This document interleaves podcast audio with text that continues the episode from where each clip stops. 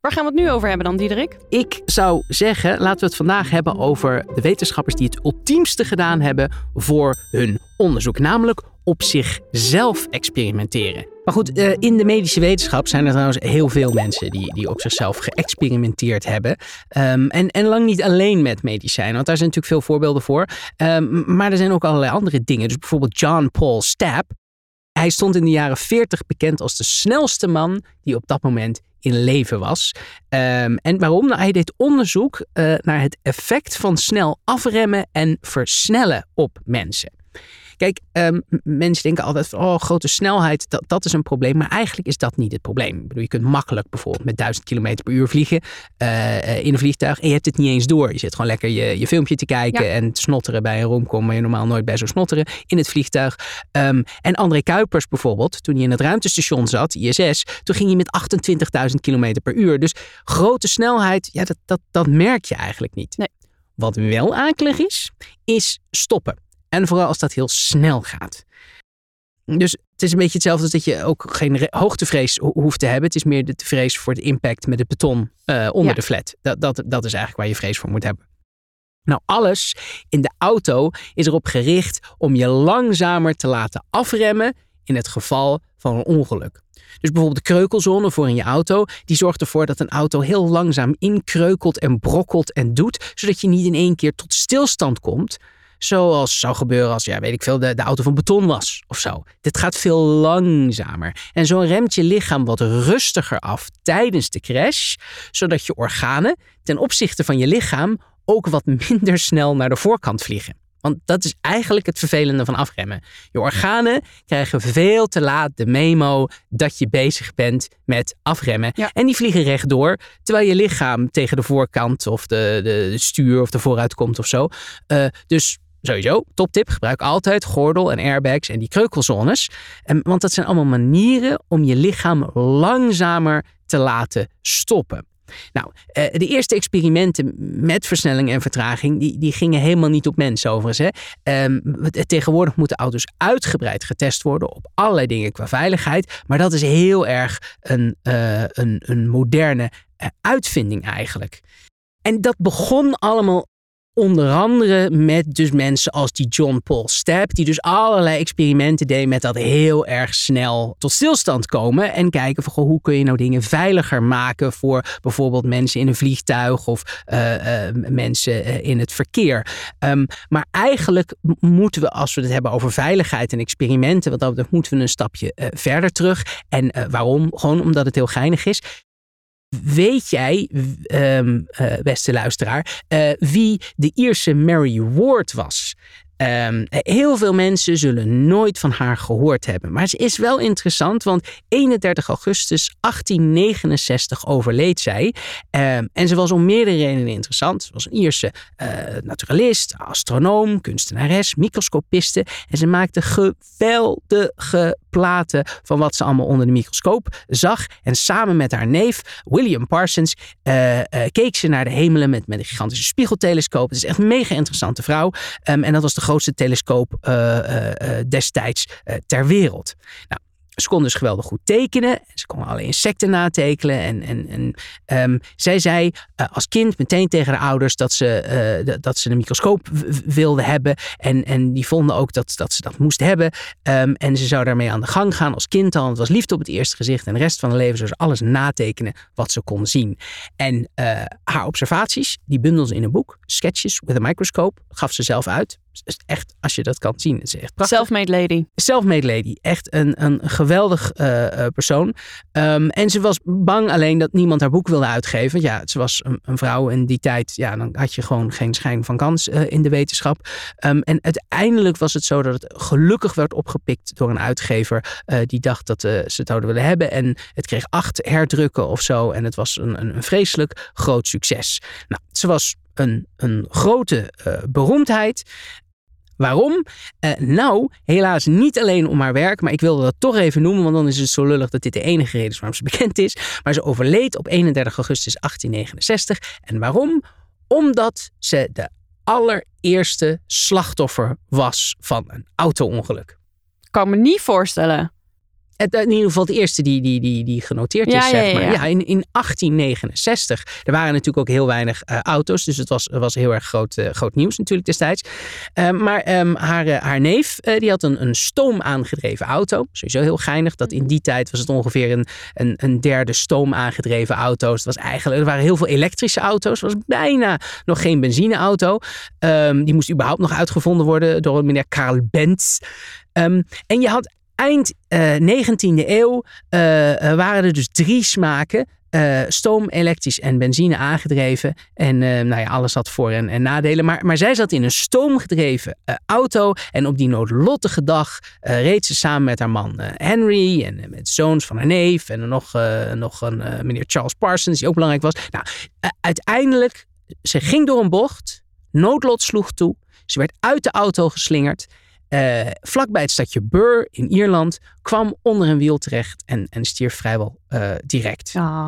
En, en in verdriet heeft de auto, is de auto toen meteen vernietigd door de eh, familie.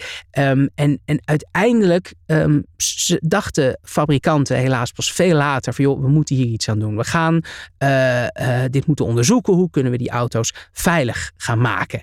Ehm, en Zo gaat het vaak, hè? Het gaat eerst mis voordat er natuurlijk weer eh, een verbetering of een extra veiligheidsregel komt. Iets met een kalf en een put. En, Precies. eh, dempen. Ja, ja, ja, absoluut. ja. Toch wel een beetje triest. Ik bedoel, zo'n toffe vrouw en ze staat dan vooral bekend om het feit hoe ze overleed. Zeker, Dus ga even nog wat dieper induiken. Mary Ward. Vergeet die naam niet. Absoluut, absoluut. Nou, zo'n 70 jaar na de dood van, van Mary Ward, eh, een beetje in de, de jaren 30 van de 20e eeuw, gingen autofabrikanten echt wetenschappelijk experimenteel uitzoeken. Ja, hoe zit het nou met krachten op het menselijk lichaam? En dat begon eh, heel luguber niet met de crash test dummies zoals we die vandaag de dag eh, kennen, maar met, met kadavers van, Oh. van mensen. Oh, ja, je, je laat dan, dan zware kogels, lieten ze bijvoorbeeld vallen op schedels. Om te zien bij welke hoogte en dus ook welke kracht uiteindelijk wat deed met een schedel. Zodat ze iets konden bedenken over, oké, wat zijn de effecten dan eh, op, het, op het mens. En, en ook er werden er lichamen in ongebruikte lichtschaften gegooid. En, oh God. ja, het is, het is best wel heftig. Maar goed, uiteindelijk was het heel erg een praktische reden waarom ze hiermee gestopt zijn. Omdat het gewoon heel lastig is om aan nieuwe menselijke lichamen te komen. Niet iedereen stond natuurlijk in de rij om dat te laten doen met een, een, een geliefde nabestaande. Eh, dus toen is men uiteindelijk varkens gaan gebruiken. En uiteindelijk pas decennia daarna de, de poppen zoals we die nu kennen. De bekende crash test dummies. Maar het, het heeft dus een enorme eh, eh, stap eh, gemaakt. Huh? Step, ja. We komen zo weer terug. Van uiteindelijk Mary Ward, die lang geleden in eh, 1869 om, om het leven is gekomen. Nou, komen we terug bij John Stepp. Die echt, nou toch wel echt de ultieme snelheidsduivel was. Ehm, want eh, hij heeft zichzelf tot sneller dan 1000 km per uur versneld op een slee waar raketten aan verbonden zaten. En remde zichzelf af in 1,4 seconden. Nou, dat is echt meer dan 20 G kracht op je donder. Eh, dat zou in mijn geval betekenen dat ik meer dan 1200 kilo even weeg. Dat is heftig. Maar goed, die step. Ja, vlak na de Tweede Wereldoorlog ehm, wilden de Verenigde Staten heel graag weten... wat zijn nou de effecten van een snelle vertraging op het menselijk lichaam? Nou, probeer er maar eens iemand voor te vinden. Met een slee en contragewichten werden mensen dan eh, mega snel versneld... en weer vol afgerend. Ja, je moest wel een sterke maag hebben, denk ik. Want eh, Nou, dat is heftig. heel heftig. Eh, in een paar jaar hebben ze toch nog op eh, 74 keer op mensen weten te experimenteren. En de meeste keren was dus die Step, de vrijwilliger. En een luchtmachtofficier was dat. En ehm, nou, dat was geen sinecure. Die arme man heeft twee keer zijn pols gebroken. Hij had een buikhernia, zijn stuitje gebroken, zijn ribben gebroken. Vullingen kwamen uit zijn tanden. En zijn ogen waren dus zo aan het bloeden dat hij zijn zicht tijdelijk verloor. Ja, Oké, dus wel gewoon iemand die alles voor de wetenschap over ja, maar wel, wel zwaar extreem. Dat is wel Jawel. echt. Maar goed, we mogen blij zijn dat hij dat heeft gedaan. En niet dat een van ons zich hoeft op te offeren. Want eh, hij heeft zelfs in één run 46G overleefd. Dus dat was voor hem, betekent dat ongeveer dat hij eh, eventjes eh 3500 kilogram woog. Ja, 3.500 kilo, dat is poh, pittig. Ja. Echt een all-American bikkel was het. Eh, hij was heel arm opgegroeid. Hij is een keer betrapt tijdens zijn geneeskundeopleiding toen hij eh cavia's aan het eten was Oké. die gebruikten ze vroeger voor medische experimenten. Dus hij had eh, nou, heel netjes die experiment gedaan, veel kennis vergaard. Maar ja, na, het, na dat doen van die experimenten had hij honger. En die beesten die zouden vernietigd worden. Dus hij dacht, ja, zonde, kan ik hem net zo goed opeten. Je bent er toch. Ja, dan Ja, heeft het beest en voor de wetenschap gediend en eh, iemands maag gevuld. En er zijn plekken in de wereld waar ze gewoon nog cavia's eten, toch? Ja, toevallig een vriendin van mij is net terug van een sabbatical eh, door onder andere Peru. En eh, daar kreeg ze gewoon nog een, een cavia op haar bordje. Oh. Ja, ja, nou ja, oh, ja. Ja, ik bedoel of je nou een, een varken of een cavia eet, maakt natuurlijk niet zoveel uit. Nee, zo is het ook. Theoretisch. Dus Andere discussie. Andere discussie. Ja, wel leuk. Ja.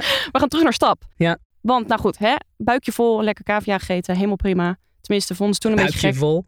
Een cavia. Als je er vijf eet, dan kom je... fair enough. Ja.